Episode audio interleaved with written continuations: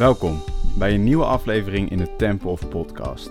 Vandaag ga ik in gesprek met dementiedeskundige en levensloopbaancoach Annemarie Schouten over welke waardevolle inzichten dementie kan bieden voor een loopbaan.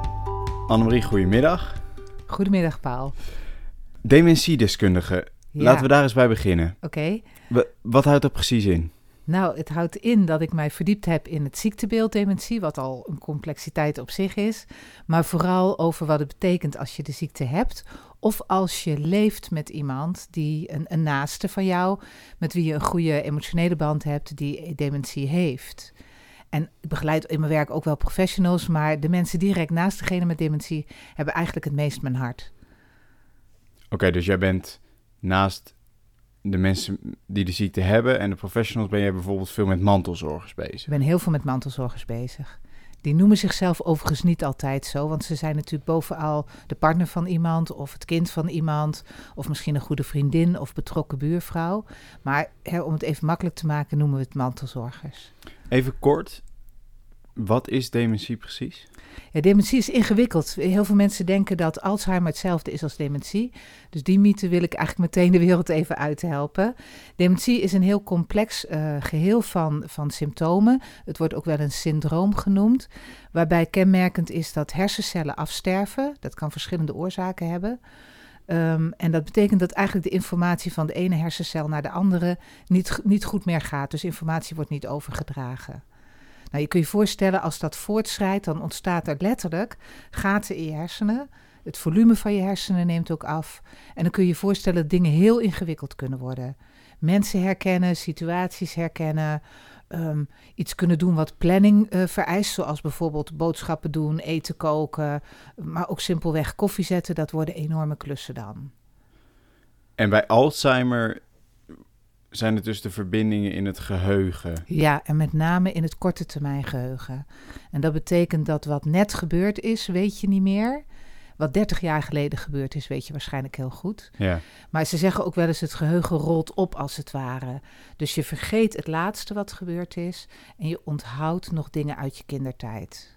Oké. Jij hebt ook een boek geschreven, toch? Klopt. Met betrekking tot dementie. Ja, samen met twee anderen, met Esra van Zadelhof en Tosca Janssens, hebben we een handboek gemaakt voor mantelzorgers van mensen met dementie.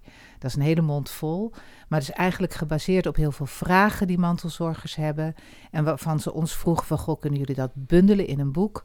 Ehm, nou, dat is geworden de 105 meest gestelde vragen met handreikingen daarbij en ook tips van mantelzorgers zelf die ons hun verhaal hebben verteld. Wat is de meest voorkomende vraag? Nou, dat varieert een beetje van uh, in welke, welk stadium van de dementie mensen mee te maken hebben. Helemaal in het begin is het een vraag over, is de meest gestelde vraag, ik voel dat er iets niet klopt. Het gaat niet helemaal goed met mijn vader of mijn moeder of mijn partner. Vergeet veel of ik tref ineens in de koelkast iets aan wat daar helemaal niet hoort. De sleutelbos bijvoorbeeld. Of ja, mijn, mijn vader was altijd heel precies in alle rekeningen en administratie. En het is ineens een zooitje. Dus het begint te voelen als er klopt iets niet, er is iets niet pluis. En wat moet ik dan? Dat is de meest gestelde vraag aan het begin. Verderop is de vraag uh, vaak veel meer: uh, hoe moet ik in hemelsnaam omgaan met gedrag van diegene met dementie, wat echt anders is dan voorheen en waar ik soms niet zo goed weet hoe ik daarmee om moet gaan. En er zijn een reeks praktische vragen over, moet ik iets met euthanasie en met dingen als een levenstestament en nou grote vragen vaak en financiële zaken en het verpleeghuis, wanneer komt dat in beeld en hoe moet ik dat allemaal regelen? En een van de, heel, van de vragen die heel veel komt, um, is hoe, hoe zorg ik dat ik zelf overeind blijf? Want het is nogal een marathon die je loopt. Ja. Uh, even terug naar die eerste vraag. Van ja. Dat mensen doorhebben dat er iets mis is. Ja. Wat zou dan jouw advies zijn? Eigenlijk is mijn al advies altijd ga naar de huisarts. Of kijk of je contact met de huisarts kunt krijgen als degene met, met, met wie iets niet pluis is helemaal niet mee wil. Wat vaak voorkomt of de huisarts misschien aan huis zou willen komen. Um, want je moet weten wat er aan de hand is. Er kan namelijk ook iets anders aan de hand zijn. Ik ken situaties waarin iemand een bepaalde vorm van kanker had. die maakte dat hij heel verward werd, waardoor en geen concentratie bijna, waardoor de omgeving dacht, oeh, hij heeft Alzheimer en dat was echt helemaal niet aan de hand. Ja. Of als iemand depressief is of, uh, of burn-out is, kan dat lijken alsof er heel veel misgaat. Dan heb je effecten ook op het geheugen, Mhm. maar dat hoeft geen dementie te zijn. En het is natuurlijk geen leuke diagnose, maar je moet hem ook hebben om verderop in het proces gebruik te kunnen maken van hulp die beschikbaar is. Ja, ja. Dus ga eerst op zoek naar die diagnose. Ja, diagnose allereerste van belang. Naast eh dementiedeskundige ben je ook levensloopbaancoach. Klopt. Welke inzichten neem je nou uit dat eerste mee naar jouw werk als coach? Ik denk ehm, dat, dat misschien dementie nog wel het meest soms lijkt, of de verschijnselen van dementie lijken heel, kunnen heel erg lijken op wat mensen meemaken als ze in een burn-out komen. En mensen komen vaak in een burn-out omdat ze eigenlijk te ver van zichzelf vandaan raken, van wie ze werkelijk zijn, uh, van, van werk wat echt bij hen past. Uh, en dan, dan, kun je ook in allerlei toestanden terechtkomen die, uh, die, die van verward, van concentratieverlies, van uh, moe, moe en nog meer moe. dus daar, daar zie ik wat overeenkomsten in. Maar ik zie ook wel inzichten als het gaat over het goed voor jezelf zorgen, wat voor die mantelzorger zo van belang is. Is in wezen ook belangrijk voor iedereen in zijn leven natuurlijk. En zeker op het moment dat je, um, dat je in een situatie komt waarin je je vragen gaat stellen over: is dit het nou? Zit ik wel op de goede plek? Word ik nog blij van wat ik doe? Misschien ben ik wel succesvol, maar ik heb de lol niet meer. Nou, dan moet je echt met zelfonderzoek aan de gang. Hm. En dat moet je eigenlijk als mantelzorger ook. Je zegt dus een inzicht dat ik heel erg meeneem, is bijvoorbeeld dat mensen ver van zichzelf af gaan staan. Ja. Ook niet meer voor zichzelf gaan zorgen. Hoe help jij die mensen? Nou, ik probeer ze, probeer ze eigenlijk met ze terug te gaan ehm, in alle rust. Hè? Als je het nou hebt over een vergelijking met dementie, daar is het ook altijd in alle rust, geen haast.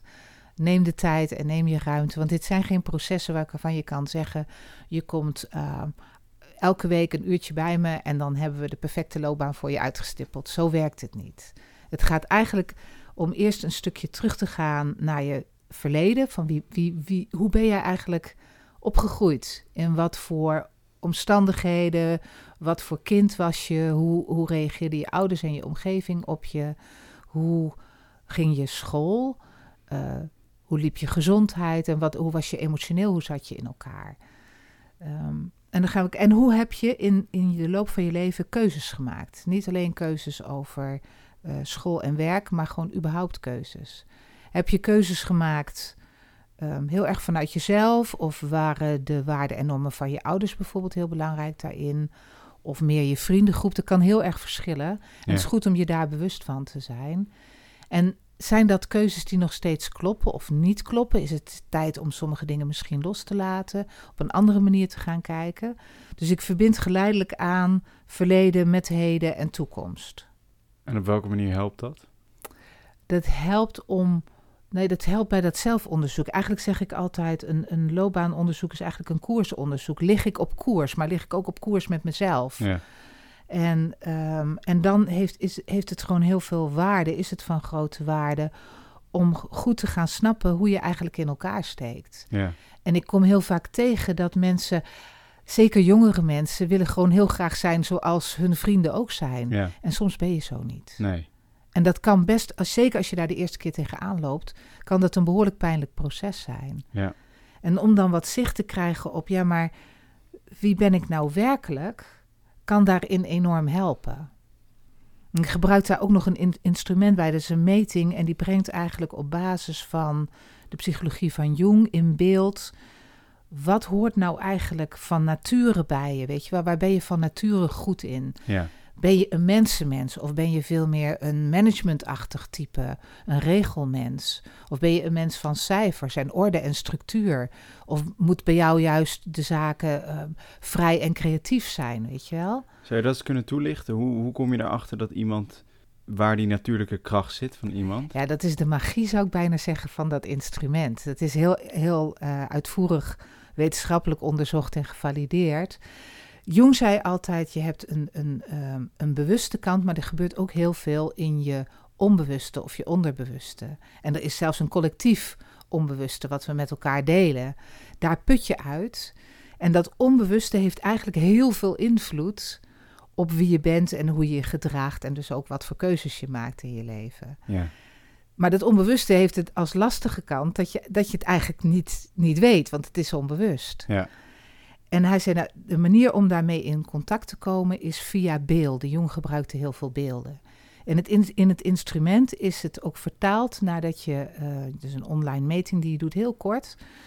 Maar daar worden je een aantal beelden uh, voor geschoteld. En daar geef je gewoon van aan: hey, als ik deze vier op een rijtje heb, welke spreekt me aan, om wat voor reden dan ook? Bij welke denk ik, moet ik niks van hebben? En wat zit daar een beetje tussenin? En het resultaat daarvan geeft dus een beetje die onbewuste drijfveren. Juist, dat geeft dat weer. En dat lijkt, ik bedoel, ik dacht ook toen ik het voor de eerste keer deed, dat bestaat niet, dat kan niet. Dat ik een testje doe, een meting doe die mij 20 minuten kost, met een aantal simpel getekende poppetjes en met een paar dingetjes eromheen. En dat zou dan iets moeten zeggen over mijn natuurlijke kracht en mijn onbewuste drijfveren. Ik geloofde er niks van, maar het was wel zo. En het instrument geeft niet alleen die natuurlijke kracht weer. Dus wat past eigenlijk gewoon in wezen bij je? Daar ben je waarschijnlijk ook goed in. Kost je weinig energie, word je gelukkig van. Wat, maar ook welke dingen heb je, want je hebt in je leven competenties ontwikkeld. En sommige daarvan horen bij je en sommige horen misschien helemaal niet bij je.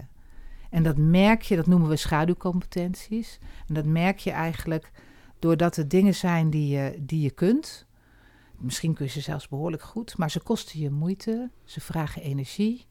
Je loopt erop leeg, om het maar zo te zeggen. Ja. En als je onder druk komt te staan, of je bent heel moe, hè, zoals een mantelzorger bijvoorbeeld heel moe is, dan vlieg je daarin uit de bocht, onmiddellijk.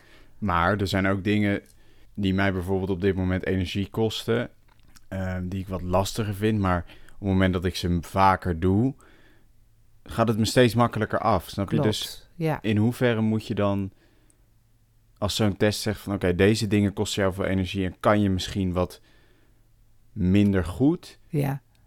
Dan denk ik aan de ene kant van oké, maar je kan zoiets ook leren, toch? Dat klopt. Maar de kunst is om te onderscheiden en het instrument geeft ook nog een, uh, de meting geeft ook nog weer je ontwikkelpotentieel. En dan heb je het, dus je moet eigenlijk een onderscheid maken tussen je ontwikkelpotentieel, is dat wat in principe klaar ligt voor jou om te ontwikkelen, zou ik maar zeggen. Dat past bij je, dat hoort bij je. Ja. Maar om wat voor reden dan ook, heb je dat nog niet ontwikkeld? Ja. Als je daar je tijd en energie in gaat steken, zal je er waarschijnlijk in floreren. Wordt het eigenlijk je natuurlijke kracht vervolgens? Ja. Terwijl zo'n schaduwcompetentie is meestal iets wat je moet ontwikkelen omdat je moet overleven.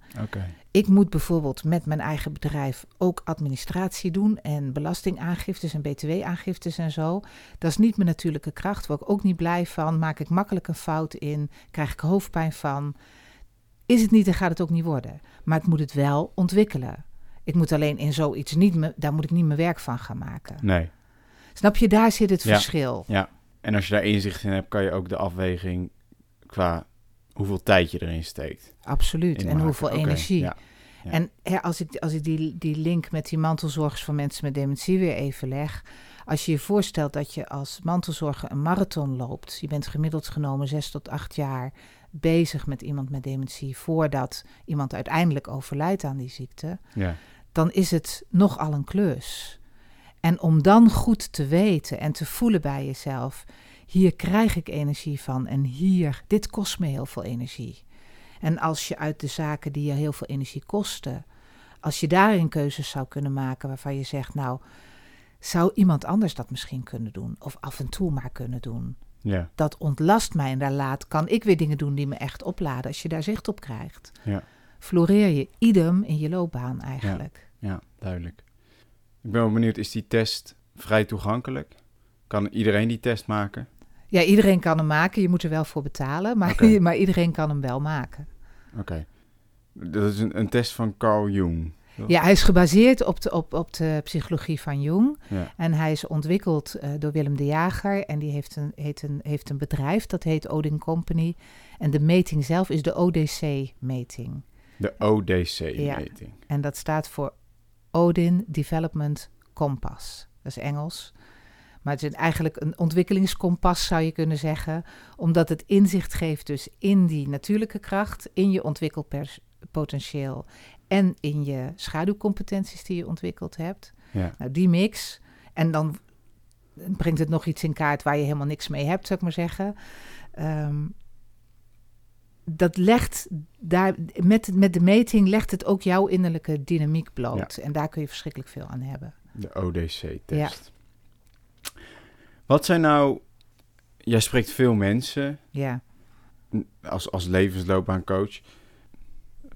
Wat is een vaak voorkomend patroon in jouw werk?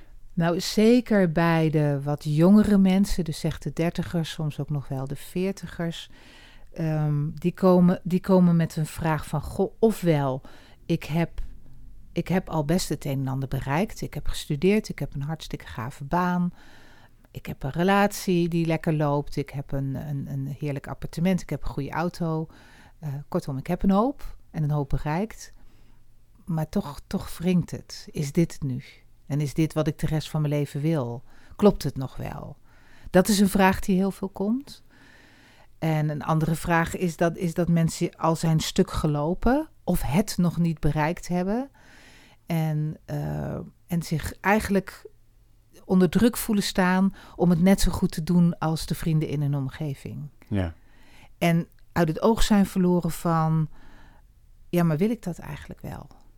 En die vraag begint dan op een gegeven moment op te komen. Zo van, ja, ik werk, heb nu de dijk van een baan bij een bank, maar word ik daar eigenlijk wel gelukkig van? Maar als ik er niet gelukkig van word, betekent het dan dat ik op een houtje moet gaan zitten bijten? Of zijn er misschien ook nog andere mogelijkheden? Nou, dat, ga, dat onderzoek ga ik graag met mensen aan. Kan je daarin een kort advies geven? Ja, ik, ja, want ik zeg altijd, weet je, ik noem wat ik doe ook een koersonderzoek in die, in die loopbaanbegeleiding. En weet je, het is zo belangrijk om in het leven je eigen koers te varen. En het is niet altijd makkelijk. Maar het is belangrijk, denk ik, voor jezelf, omdat je daar uiteindelijk het meest gelukkig van wordt en dat ook het langste volhoudt. Ja. En die koers gaat meestal niet in één lijn recht vooruit, bij de meeste mensen niet. Dat denken heel veel mensen. Ik moet van A tot Z in, ik moet overal de perfecte keuzes maken. Ik zeg altijd, die bestaan niet. Het leven zigzacht en jij waarschijnlijk ook daardoorheen en dat is helemaal oké. Okay. Maar kijk of je steeds die, de koers voor jezelf goed kunt houden. Dicht bij jezelf blijven daarin. Ja. En durven afwijken van wat, dat mensen in je omgeving het misschien anders doen of anders willen.